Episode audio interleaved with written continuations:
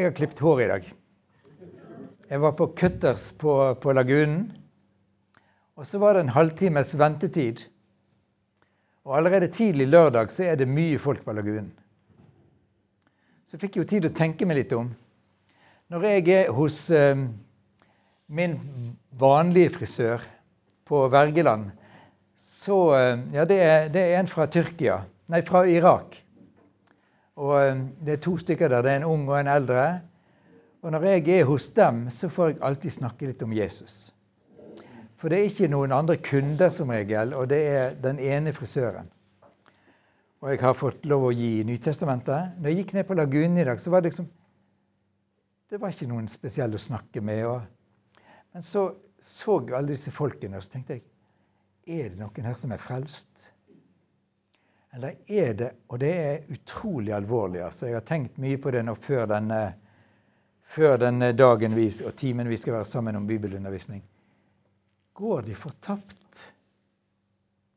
Det er en sånn tanke at det er nesten uutholdelig. Og hva gjør jeg? Eh, Paulus snakker jo om sitt forhold til Israels folk som noe helt uutholdelig at de ikke er frelst. Skulle, det er jo så radikalt og nesten uforståelig når han sier at jeg skulle sjøl gjerne gitt mitt liv hvis det bare var til hjelp for mine brødre og landsmenn. Og det er vel sånn vi tenker òg i forhold til de vi er aller nærmest. Vi er så glad i dem at vi gjerne kunne gitt opp vårt eget liv. Sånn er det med Gud. Sånn var det med Gud. Med Jesus. Han ga opp sitt liv for at vi skulle bli frelst. Og det er dette her vi skal, eh, vi skal eh, dvele ved nå i dag. Og det er ganske forunderlig. altså, Vi leser Johannes-evangeliet, vi leser de andre evangeliene. I Johannes så ser vi at en tredjedel av evangelieskriftet handler om det som skjedde mellom skjærtorsdag og langfredag og påskedagen. Så det er en veldig konsentrasjon om disse siste dagene av Jesu liv, og det at han gir seg sjøl for oss.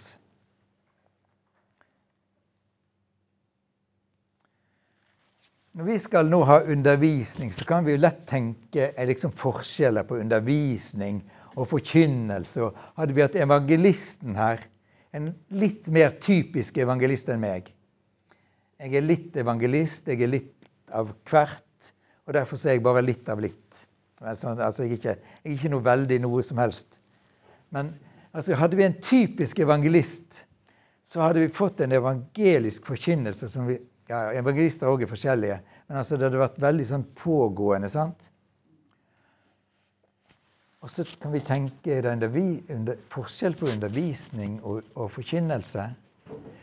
Når jeg leser Jesus, så ser det ut som om disse tingene går veldig i en annen. Jeg har tatt for meg bare to avsnitt.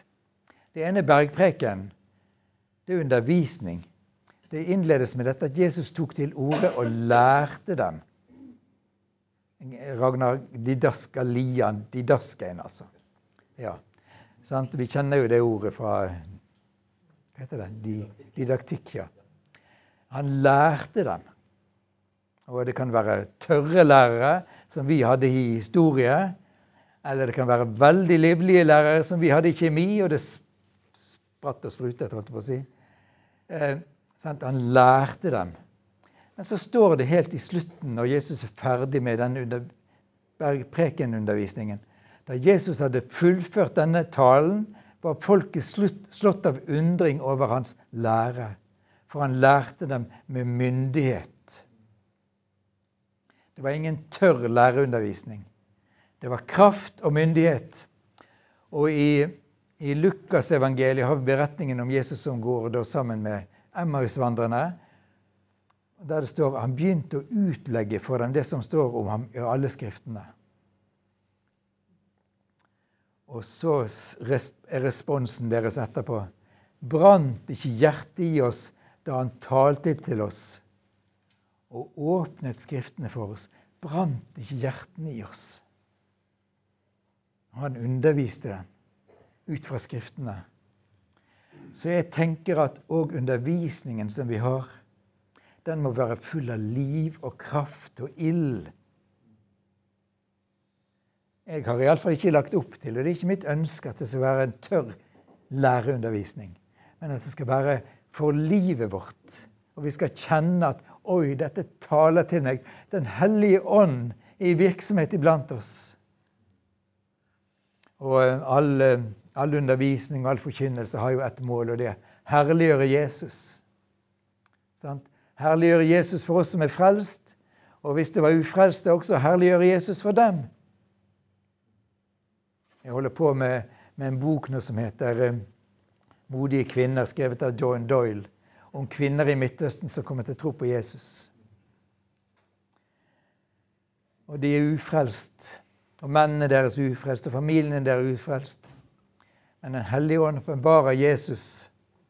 Så etter, etter hvert så, så, blir det en sånn brann i hjertene deres. Vi må bli kjent med denne Jesus.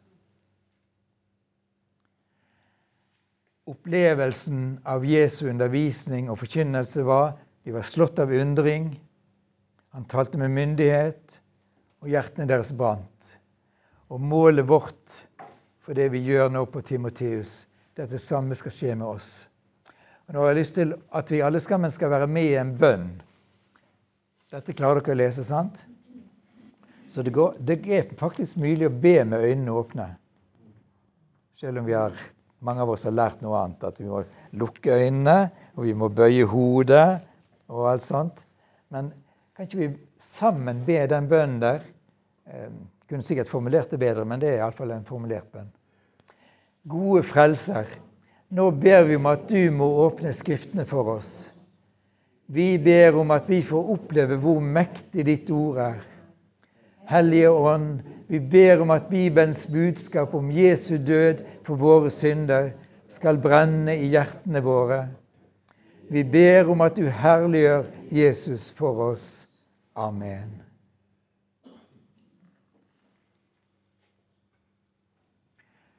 Nå eh, får dere Da legger jo Stein Erland Jeg må jo si det, altså. Vi har Stein Erland og flere fantastiske medarbeidere. Og sånn som f.eks. Oddvar ringer i går og spør skal jeg lage tomatsuppe. Det er bare en sånn velsignelse, opplever jeg.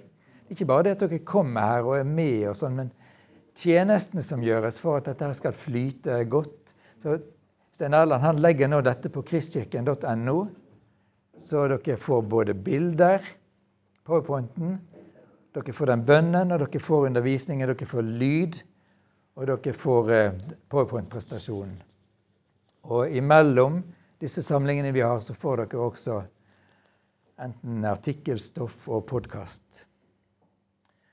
Ehm, bakteppet for det jeg som jeg nå skal undervise i dag, eh, det er syndens alvor, som jeg har lagd en artikkel på og snakket inn en podkast. For nå skal vi snakke om Jesus soningsverk for våre synder. Forsoningen. Der er nemlig et bakteppe som vi leser om helt fra første Mosebok kapittel 3 da Eva og Adam lot seg friste til opprør mot Gud, eller til synd mot Gud. Og alle de konsekvensene som synden fikk, der det var Edens hage, alt det vakre, alt det herlige Gud hadde skapt. Og så blir det for Eva og Adam en tilstand etterpå med torner og tistler, og det blir bare så mye verre i neste generasjon, der Kain slår i hjel sin bror Abel. Og så kan vi følge første Mosebok utover og se hvordan dette tiltar. Ondskapen tiltar. Synden har konsekvenser. Synden er alvorlig. Men det er ikke bare det at det kommer noe ondt inn i verden, men vi står også skyldige. Vi står skyldige for den levende, allmektige, hellige Gud så skyldige med våre liv. Og når vi er skyldige Vi har noen jordiske avbilder av det som er det, egentlig det himmelske eller det evige. Og det er jo at når vi er skyldige i en kriminell handling, så felles det en dom over oss. Og når vi har fått en dom, så er det straff. Og forskjellig type straff for forskjellige lovbrudd. Det er bakteppet. Og så er det en annen side. Og det at når Den hellige ånd får overbevise oss om synd Det var en som sa forleden dag at eh, da han var ung, så løp han liksom rundt og måtte kjenne etter. Hadde han gjort noe galt? Hadde han gjort noe galt? Det er ikke sånn. Men det er når Den hellige ånd får vise oss vår synd, f.eks. gjennom når vi leser Guds ord. Når vi leser Bergpreken. Det er ganske voldsomt når Jesus sier at hvis din hånd, høyre hånd lokker deg til synd, ikke sant? hogg den av. Eller ditt øye lokker deg til synd. Riv det ut. Og ehm, Daniel sier jo òg til Nebukaneser, riv deg løs ifra din synd. Men når Den hellige ånd får overbevise oss, og vi kjenner på det i vår samvittighet, så er det en vei å gå. Vi erkjenner synden, og så bekjenner vi synden. I vår sammenheng, nå tenker jeg Kristkirken og litt sånn, så, så snakker vi ikke mye om skriftemålet. Men det gjør sikkert dere. Og praktiserer det. Og jeg har fra jeg var ja, Særlig da jeg begynte i tjeneste som prest, som innvandrerprest, og kom til Tromsø, så kjente jeg at skriftemålet var helt nødvendig for meg. Så jeg begynte å tenke hvem skal jeg ha som skriftefar? Og så tenkte jeg rundt. Så fant jeg ingen perfekt mann. Det var ingen perfekt mann i Tromsø. Ikke engang biskopen. Selv om han var utrolig fin. Altså biskopen vi hadde i Tromsø på den tiden. Arvid Nergård.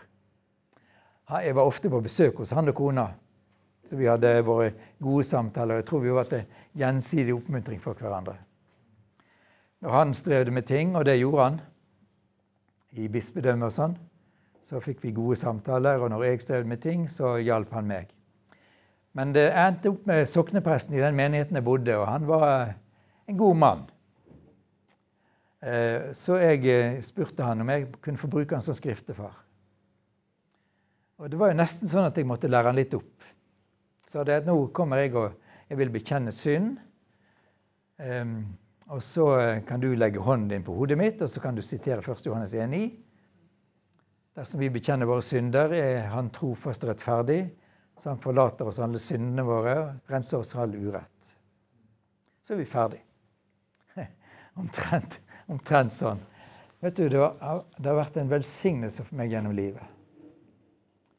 Jeg kom til Bergen, og så var det en annen eh, veldig god bror som jeg fikk bruke. Den første gangen jeg eh, praktiserte dette, det var på en leir i laget. Og det bare Den hellige ånd viste meg så tydelig en synd jeg hadde gjort tolv år tidligere, da jeg var sju år gammel. Og Da var det en, eh, en, kar som var ett år yngre enn meg, som kom inn på bønnerommet og så sa jeg jeg må bekjenne en synd. Og Så fikk jeg oppleve dette, her, og den kraften i Den hellige ånd som kom over meg etter at jeg hadde bekjent min synd. Den friheten. Den renselsen. Så her var det bare en, eh, en oppfordring til å, å, følge i Den gamle kirkes eh, spor.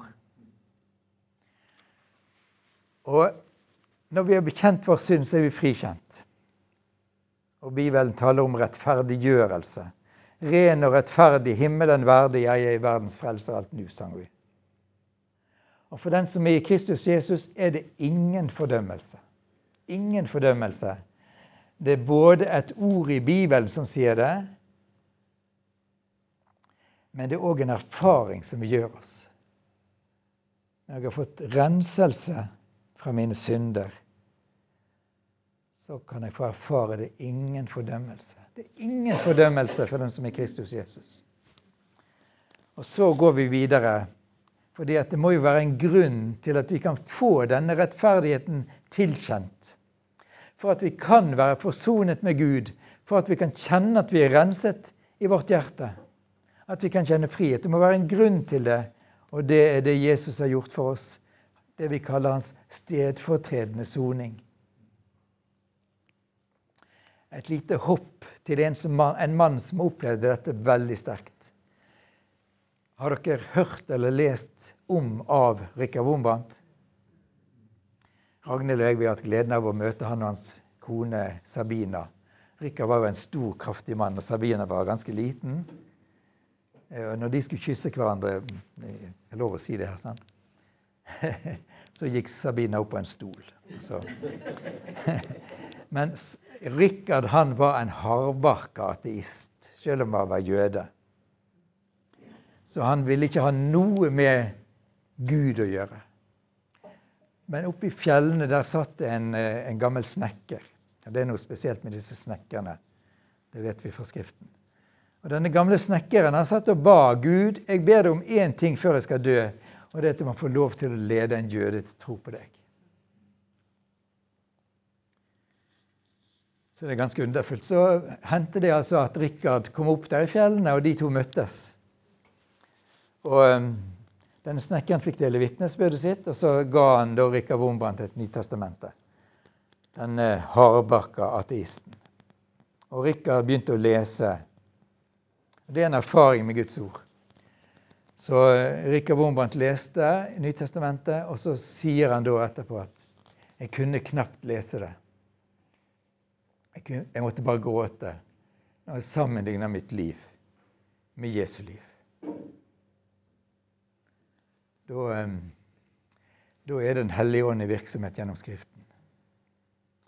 Så det ber jeg også om at uh, vi, når vi hører om Jesu lidelse og død for oss, så må vi bare bøye oss og tilbe.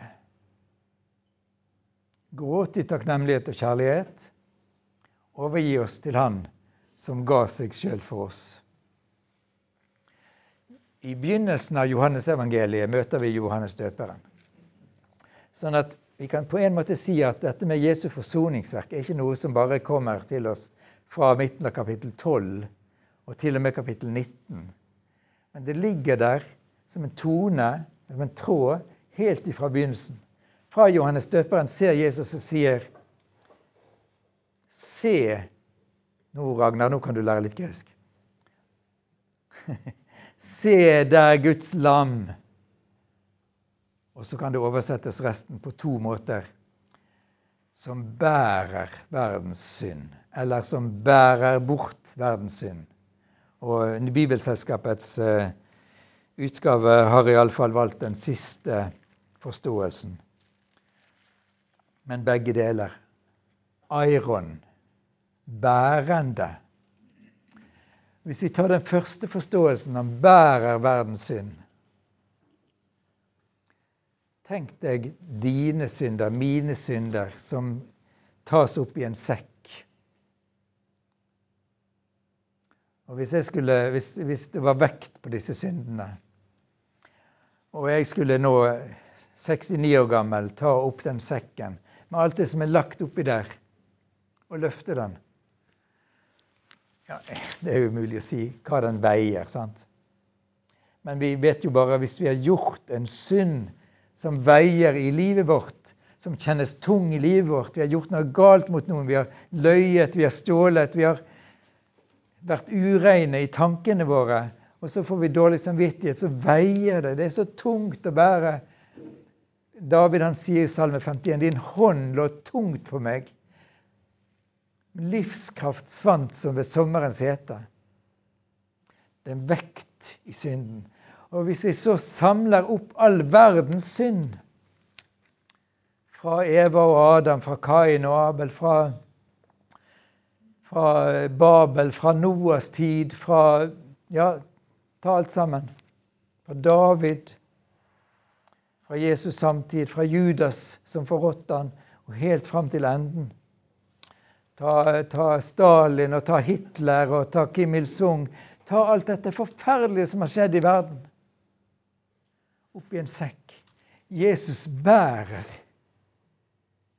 verdens synd. For en byrde. Når Jesus gråt, eller Jesus svettet i Getsemanehagen, så står det om at svetten hans ble som blod. Og Det er visst et medisinsk fenomen. Det kan vi jo høre med legene her. Men det, er et medisinsk fenomen som gjør at når, når, stresset blir så voldsomt Jeg har bare lest om dette her i forbindelse med Mel Gibsons film um, Hva heter den? Passion. Ja. Uh, så, så, så, er det en forklaring. Um, så Jesus bærer verdens synd. og nå skulle vi, Jeg skal komme litt tilbake til Jesaja 53. Jeg kunne brukt en time på Jesaja 53 på hvert enkelt ledd der. Eh, igjen dette her som Ragnar var inne på. Altså, du, du, leser ikke bare gjennom Salme 53, og så har vi gjort det. Det er bare så lada hvert eneste uttrykk som står der. Men det, også, det kan også bety altså at han bærer bort verdens synd. Et fantastisk evangelium i det.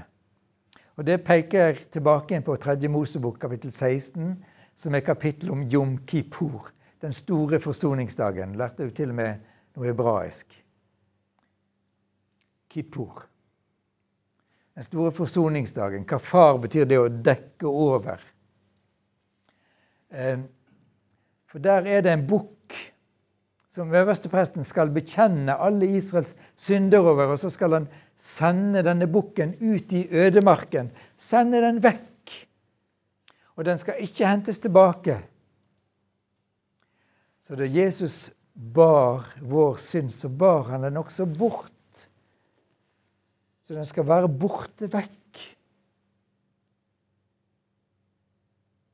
Jeg husker en, eh, en gammel misjonær som hadde en sånn herlig, fantastisk undervisning om eh, når Jesus har tatt bort våre synder, så hadde hun noe noe vann og noe farge og greier. Fikk det der på til på en merkelig måte, og så sa hun eh, Når synden er tatt bort, så kan du ikke finne den igjen. Den er rensa i Jesu blod. Eller et annet bilde er jo dette her at det står et skilt ved, en, ved, en, ved, ved et vann. Um, syndene kasta ut i det, det på havets dyp. Fisking forbudt. Skal få slippe å hente fram igjen de gamle syndene. Og der òg er skriftemålet en utrolig hjelp. Du kan, du kan, liksom huske at det har vært noe, men det, det, det er ikke ditt lenger. Det var bare noe. Det er bare teori. Det er liksom tatt vekk. Jeg var så heldig her eh, for en tid tilbake at jeg hadde en skriftefar. Han er død nå. Fordi han døde, så måtte jeg finne en ny. Men han fikk demens på slutten av sitt liv. Så når jeg var hos han og skrifta, så hadde han glemt alt sammen etter fem minutter. Det var bare helt fantastisk å gå til han. Altså. Det, var, det var ikke farlig i hele tatt. Jeg var sikker på Han kom ikke til å fortelle en sjel om hva jeg hadde sagt. Men jeg tror det er sånn med Gud også. Når vi har fått gjort opp vår synd for Gud, og hvis vi skulle komme dragende med det samme igjen, sier han hva, hva er det du snakker om? Han som har skrevet opp alt. Han som vet alt. Ser alt. Han sier dette kjenner ikke jeg til. Jesus har båret det bort for at det aldri skal ses mer. Johannes 1, 29, og Så kommer vi til Jesus' samtale med Nikodemus. og Der dukker dette opp igjen.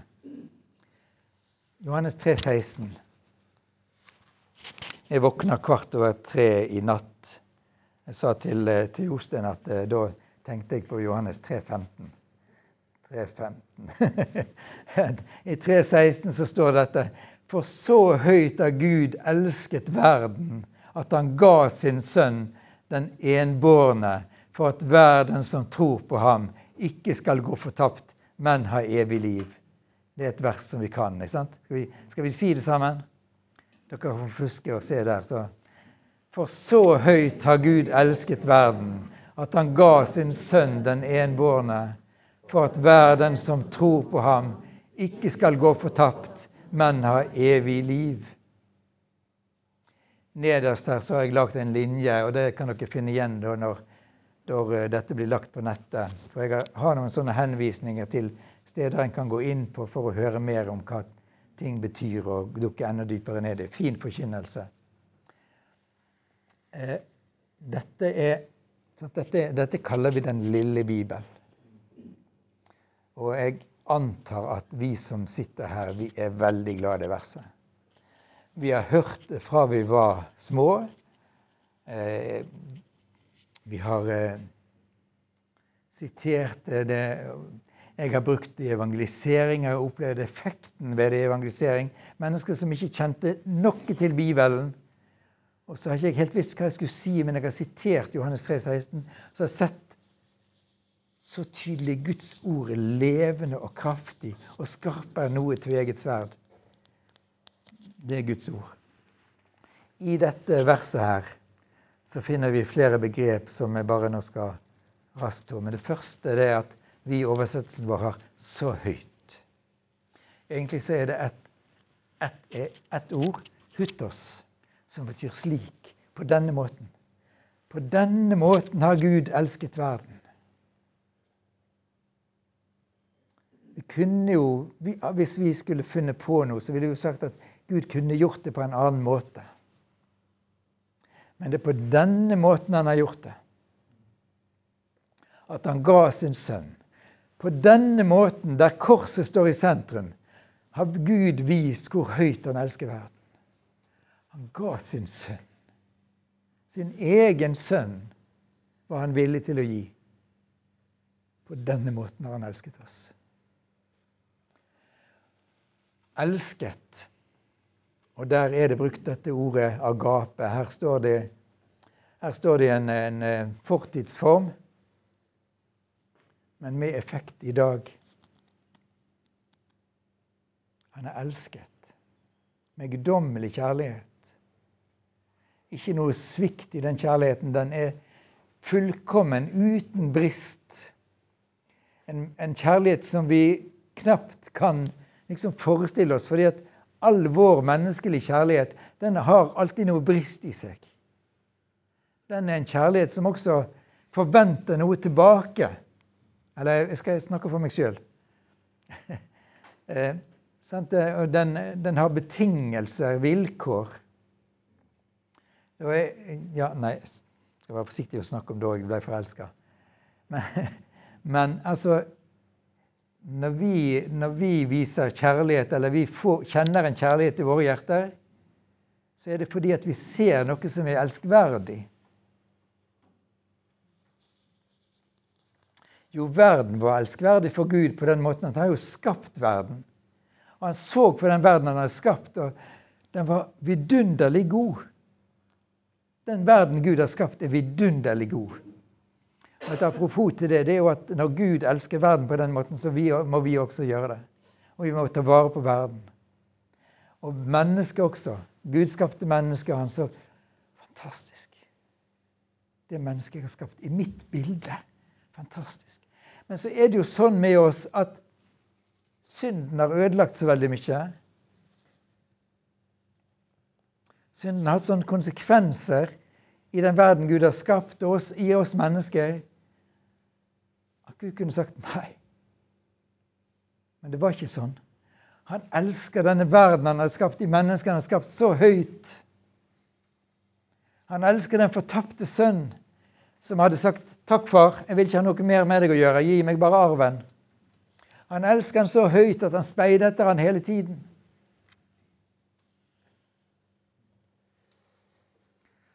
Da kjenner jeg at det begynner å bli litt mye forkynner. Men det, det er sånn Gud elsker. Gud elsker verden. Gud elsker ikke synden i verden, men Gud elsker verden. Gud elsker ikke synden i oss, men han elsker oss fullkomment slik. Han var villig til å gi sin sønn for meg. Det var den enbårne, den ene han hadde han som er fra evighet, liksom Faderen. Han hadde et fellesskap med for evighet. For at verden som tror på ham, ikke skal gå fortapt. Vet du, Jeg klarer ikke å ta det ordet helt inn.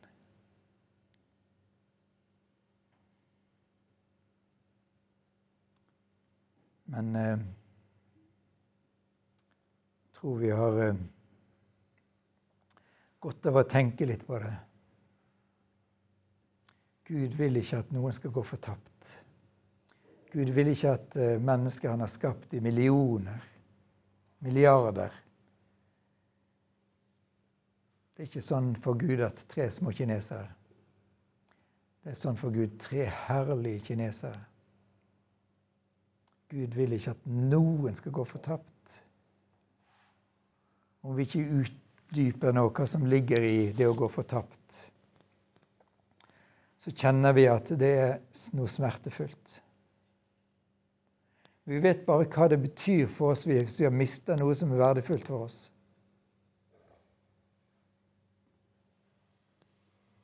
Hvor er den der nøkkelen?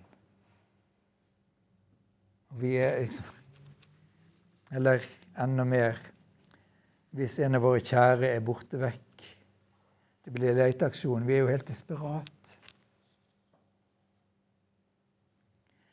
Men at vi skal ha evig liv, og hvor Gud lengter. Eh, vi, vi, er jo ja, Ottar her i Bergen og sånn, har tatt initiativ til Oldkirkelig forum. Jeg har fått lest litt sånn fra Oldkirken. Og en av de historiene fra Oldkirken som jeg er utrolig glad i, det er historien om Perpetua og Felicitas. Nede i Kartago, to unge kvinner. Og Perpetua hadde en gave fra Gud og kunne be til Gud, og så fikk åpenbaringer om hva som skulle skje. Og Da hun led martyrdøden, skulle lide martyrdøden, så fikk hun en åpenbaring, en, en, drøm. Så fikk hun se en stie som var reist fra jorden opp til himmelen. Og på toppen der satt det en, en hvithåra gjeter, som da selvfølgelig er Jesus, Gud. Og da hun når opp, så sier denne gjeteren til henne Velkommen. Jeg har ventet på deg.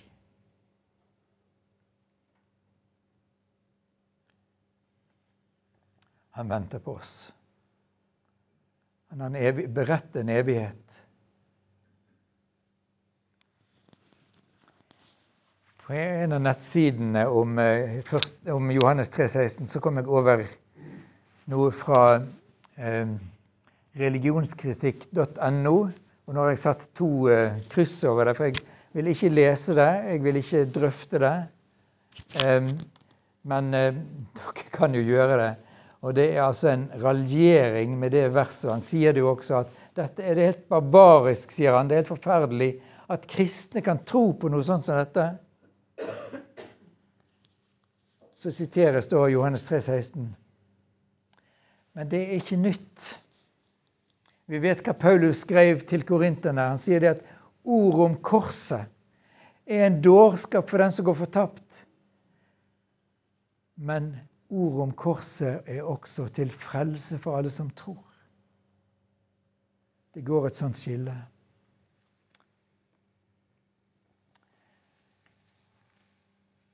I Den norske kirke så det har vært reist spørsmål om en skal ta vekk Johannes 3, 16, fra dåps- og begravelsesliturgi.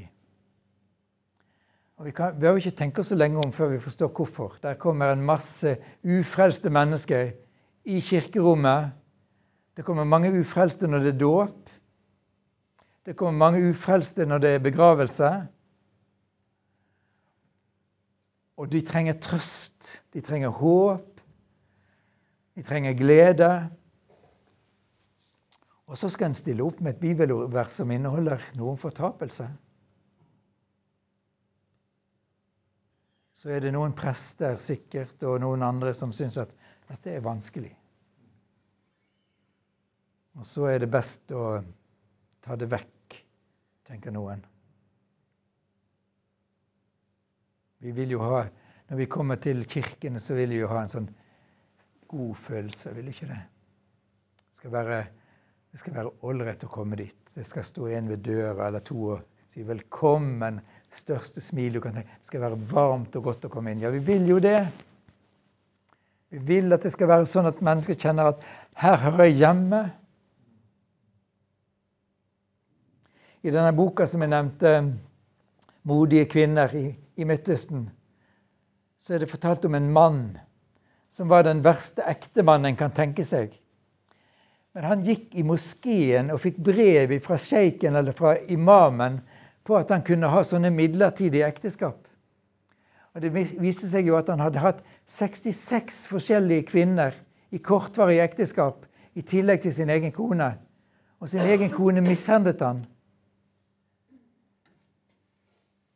Og Han fikk altså brev fra sjeiken på det. Og så møter Gud han, eller møter Jesus han. Jesus åpenbarer seg for han som en hvit skikkelse i drøm. Og denne mannen har begynt å spørre hva er det for noe. Han begynner å bli desperat. Det underlige er jo ofte når du leser sånne historier, du ser at Gud arbeider med ikke bare med én i en familie, men han arbeider med flere. Så konen var jo også på den veien og, begynte å bli kjent med Jesus. Men de visste ikke om hverandre. Og så er denne mannen her desperat. Han slipper så vidt fra noe bombeangrep som har vart en hel uke i, Aleppo. Slipper så vidt fra det med livet i behold. Og når han er på rømmen, så passerer han en kirke. Men så ser han alle disse som hører til i menigheten her. Fordi kirken er knust ødelagt, så er menigheten ute på fortauet i bønn. De bøyer kne, og de ser ned sånn som en skal gjøre med lukka øyne i bønn. Så da ser han sitt snitt til å stikke inn i kirka og stjele en bibel. Og så løper han videre. Og um, han visste om seg sjøl. 'Jeg er fortapt'.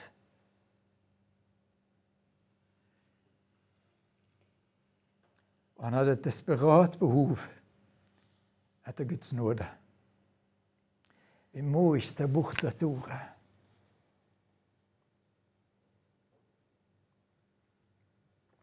hvis vi tar bort dette anstøtet som fortapelse fordi vi opplever at vi kan ikke holde det ut, så kommer vi til å si Gud elsker verden så høyt at det ikke var behov for noe soningsoffer.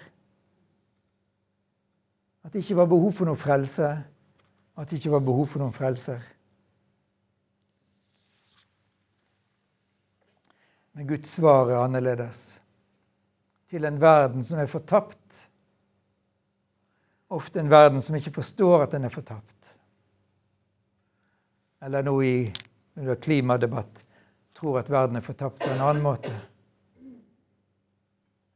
Men vi er fortapt uten en frelser. Jesus. Vi er fortapt uten frelsen, og vi er fortapt hvis ikke han hadde gjort det offeret som han ga. Det er slik Gud har elsket verden.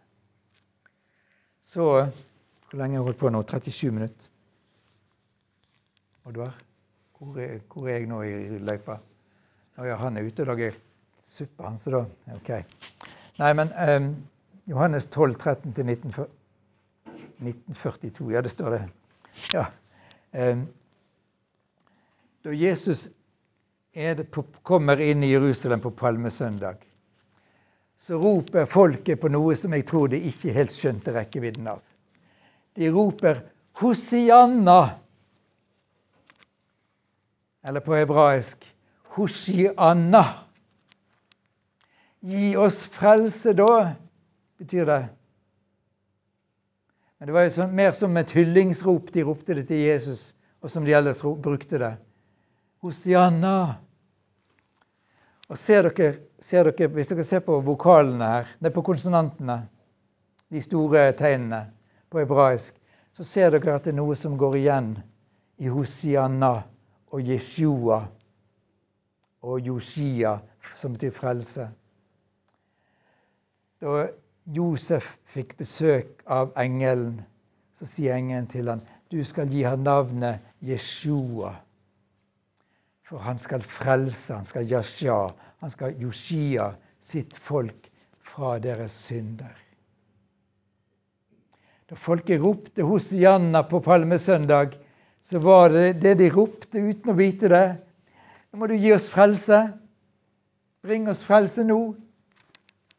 Og så gikk den uken der og fram til langfredag, og så får vi se hva som, hva som skjer. Men det er i, i denne situasjonen, det er disse dagene, Jesus sier flere ganger 'Timen er kommet'. Timen er kommet. Timen er kommet. Nå skjønner han. Han vet det. Nå har han fått åpenbaringen fra sin far. Dette er påsken, da det skal skje. At Guds lam bærer verdens synd. Og Da er det så rart at han sier timen er kommet og menneskesønnen skal herliggjøres. Vi kunne nesten sagt ut fra Jesaja 53 at dette er timen da, da menneskesønnen skal hesliggjøres. For det som skjedde med Jesus på korset, var så heslig. Men Jesus knytter sin herliggjørelse sammen med at hvetekornet faller i jorden og dør.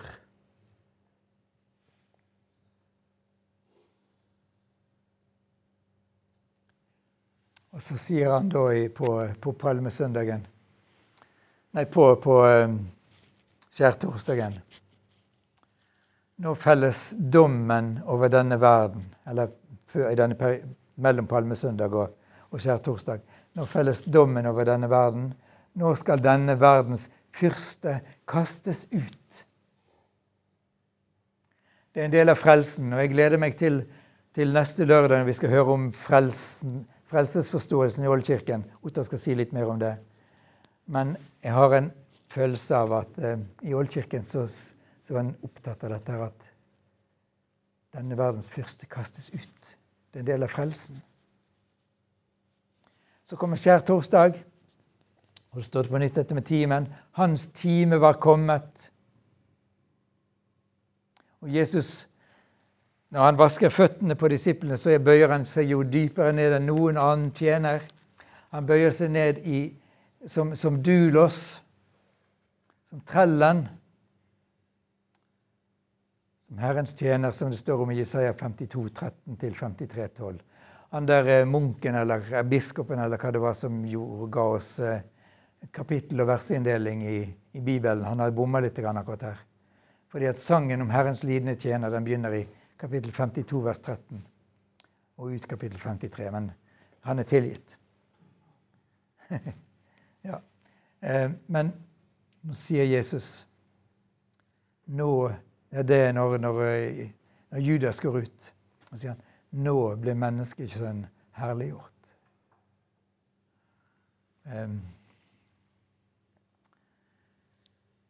Og så kommer det på nytt i kapittel 17, som vi hadde da sist vi var sammen, i den øverste beste bønn. Jesus ber, Far, timen er kommet. Herliggjør din sønn. Og så fortsetter det i, etter at Jesus er ferdig med bønnen i Getsemane. Jesus blir tatt til fange. Og så vet vi alt det som skjer. Først er der han, eh, soldatene kommer for å ta han, og så sier han 'Jeg er'. Aniho. Han bruker Guds eget navn, og de faller, som, de faller ned i, ut fra kraften i dette, denne presentasjonen som Jesus har av seg sjøl. Der står de ansikt til ansikt med den evige, hellige Gud. Da faller de rett til bakken. Jeg er. Så må Jesus stå for øverstepresten, jødenes representant. Men snart skal det skje et rollebytte. Jesus går inn i øversteprestens rolle. Men behøver, Jesus behøver ikke bære fram offerdyr og blod av noe fremmed, noe annet enn seg sjøl. Han bærer fram seg sjøl. Tenk på det når vi skal feire nattverd i gudstjenesten i morgen. Det er det er noe mye mer enn et stykke brød og en kalk med vin. Det er Jesu legeme og Jesu blod. Han er øverste presten som rekker oss sitt eget offer. Og etter at han har vært der for øverstepresten, og sånn, så, så er han for Pilatus. De verdslige myndighetenes representant. Og der står han jødenes konge. Han er mishandlet. Han, har, eh, han får tornekronen på. Denne jødenes konge er ingenting mot den romerske verdensmaktens representant. Han er ingenting. Men timen er kommet. Og så får han rope ut fra korset som sine siste ord. Det er fullbrakt. Og det var fredag, sabbaten, tidlig den første dag i uken, står han opp fra de døde.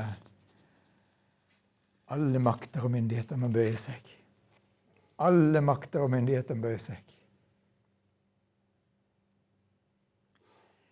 Det fins ikke det kne i verden som ikke må bøye seg for Jesus. Nå er han ikke noen bare mishandla jødenes konge. Nå er han kongen på tronen, som har all makt.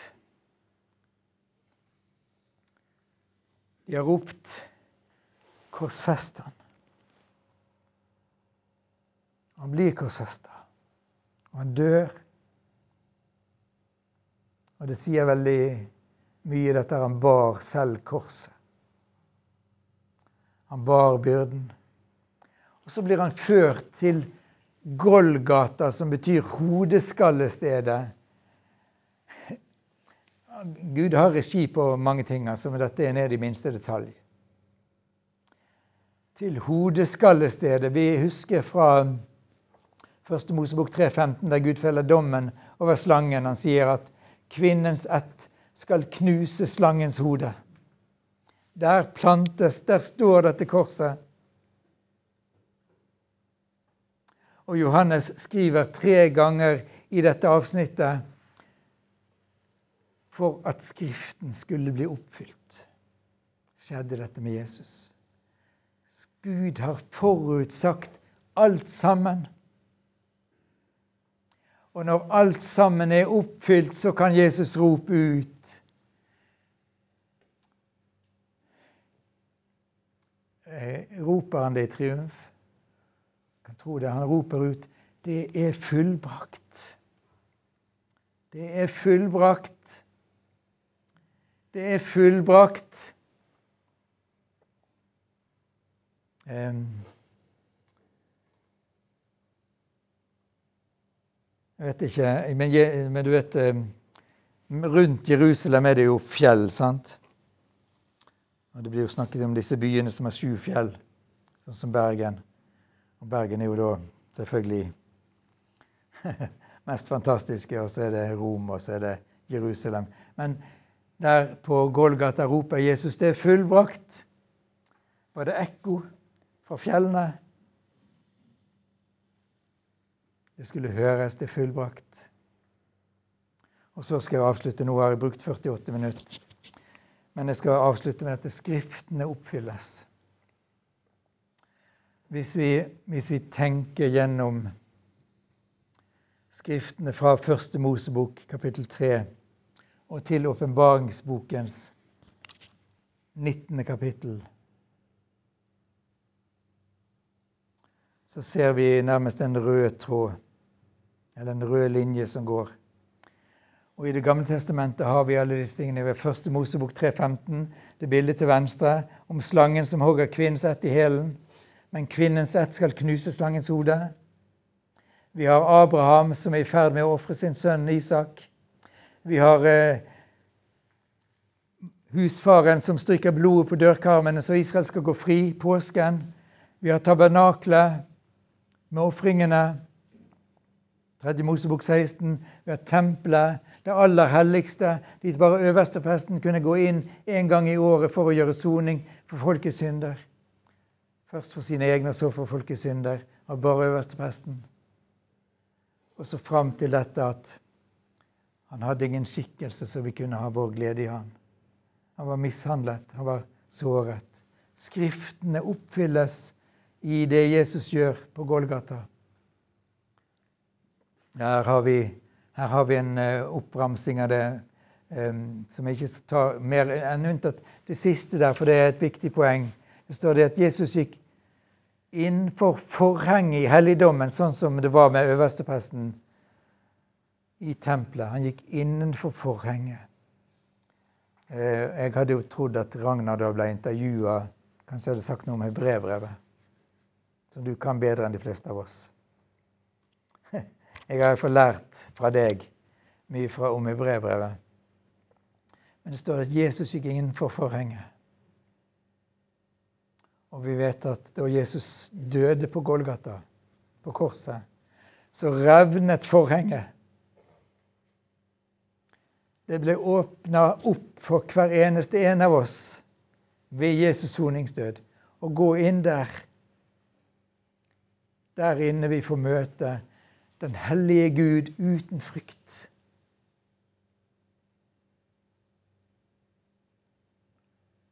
Fordi vi renser i lammets blod.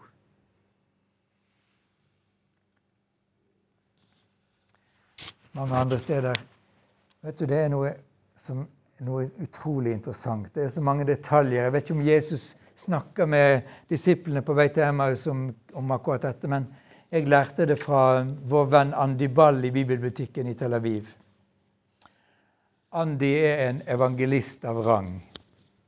Noen av dere har møtt Andi. Og, og eh, veldig god venn. Han eh, var i bibelbutikken, og han er òg sølvsmed.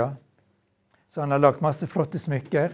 Blant annet har han lagd et smykke med davidsstjernen, og så inni, inni davidsstjernen et, et, korsmerke. Så var det et TV-team som, som, som, gikk langs Ben Yehuda-gaten i Tel Aviv. og De skulle se om det var noe interessant å fange opp der. Og så kommer de til bibelbutikken. Det var jo interessant. En bibelbutikk. Så de går inn og spør kan vi få lov til å være her i i fem minutter og filme litt, så kommer vi nok til å, å kutte det ned, så blir det sånn 30 eh, sekunders eh, glimt fra butikken din. Og Andy sier ja, vær så god. Og så går de rundt i butikken og ser. Og de ser på bøkene som er der. De ser Nytestamentet på hebraisk, og sånn, og det er ok. ok. Og de, de ser all den litteraturen han har, og så kommer de bort til disken, smykkedisken, og så ser de at der ligger et smykke davidsstjernen med et korsmerke inni. Og så blir de sint. Skikkelig sint.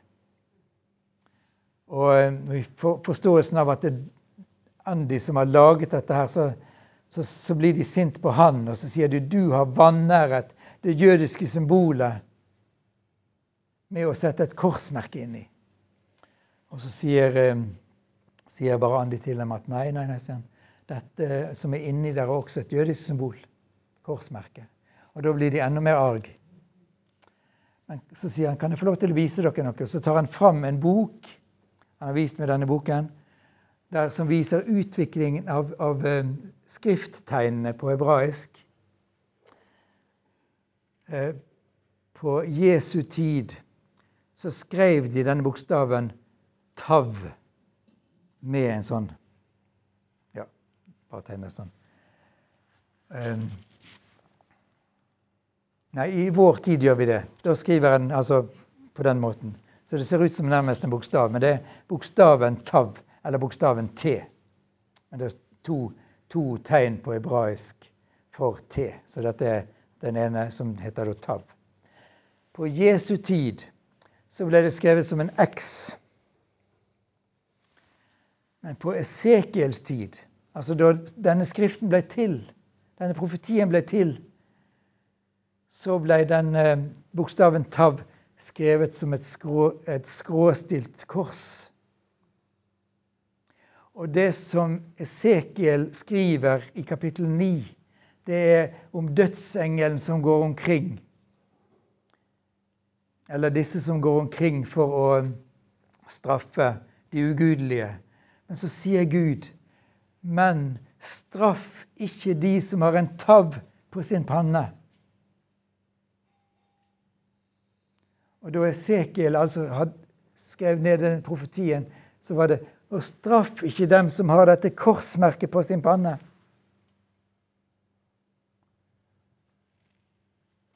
De går fri.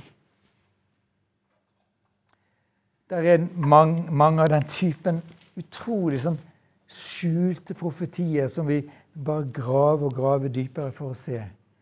Men har du korsmerket på din panne Du vet når Iallfall det som jeg er vant med.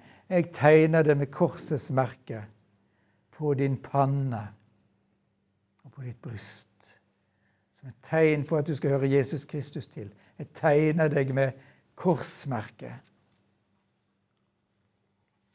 I dåpen fikk jeg det korsmerket over min panne. Og jeg skammer meg ikke for å tegne det korsmerket.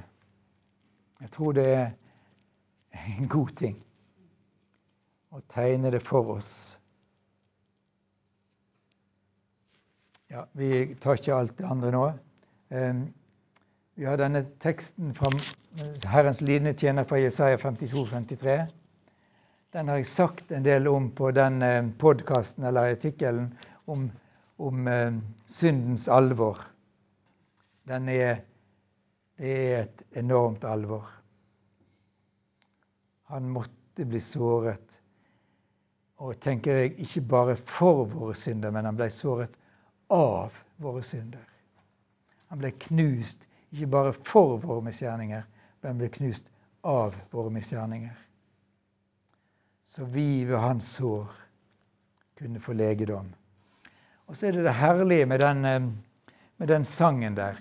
Den slutter ikke med at han fikk sin grav. Han ligger der død. Men det så etter all sin møye skal han se lys og mettes. Det er en tekst som handler om Jesu kors, om Jesu oppstandelse. Så kanskje om en måned så må vi inn på siste delen av denne, denne sangen om Herrens lidende tjener. Om oppstandelsen.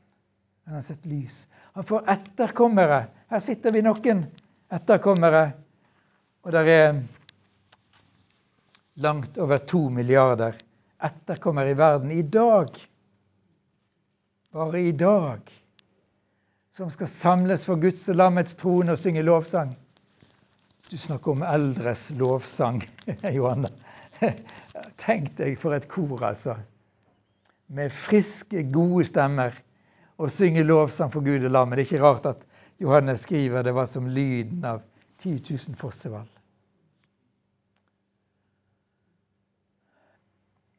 Alt dette måtte oppfylles. Kvinnens ett har knust slangens hode. Da Sten Erland, da kan du trykke på den knappen der.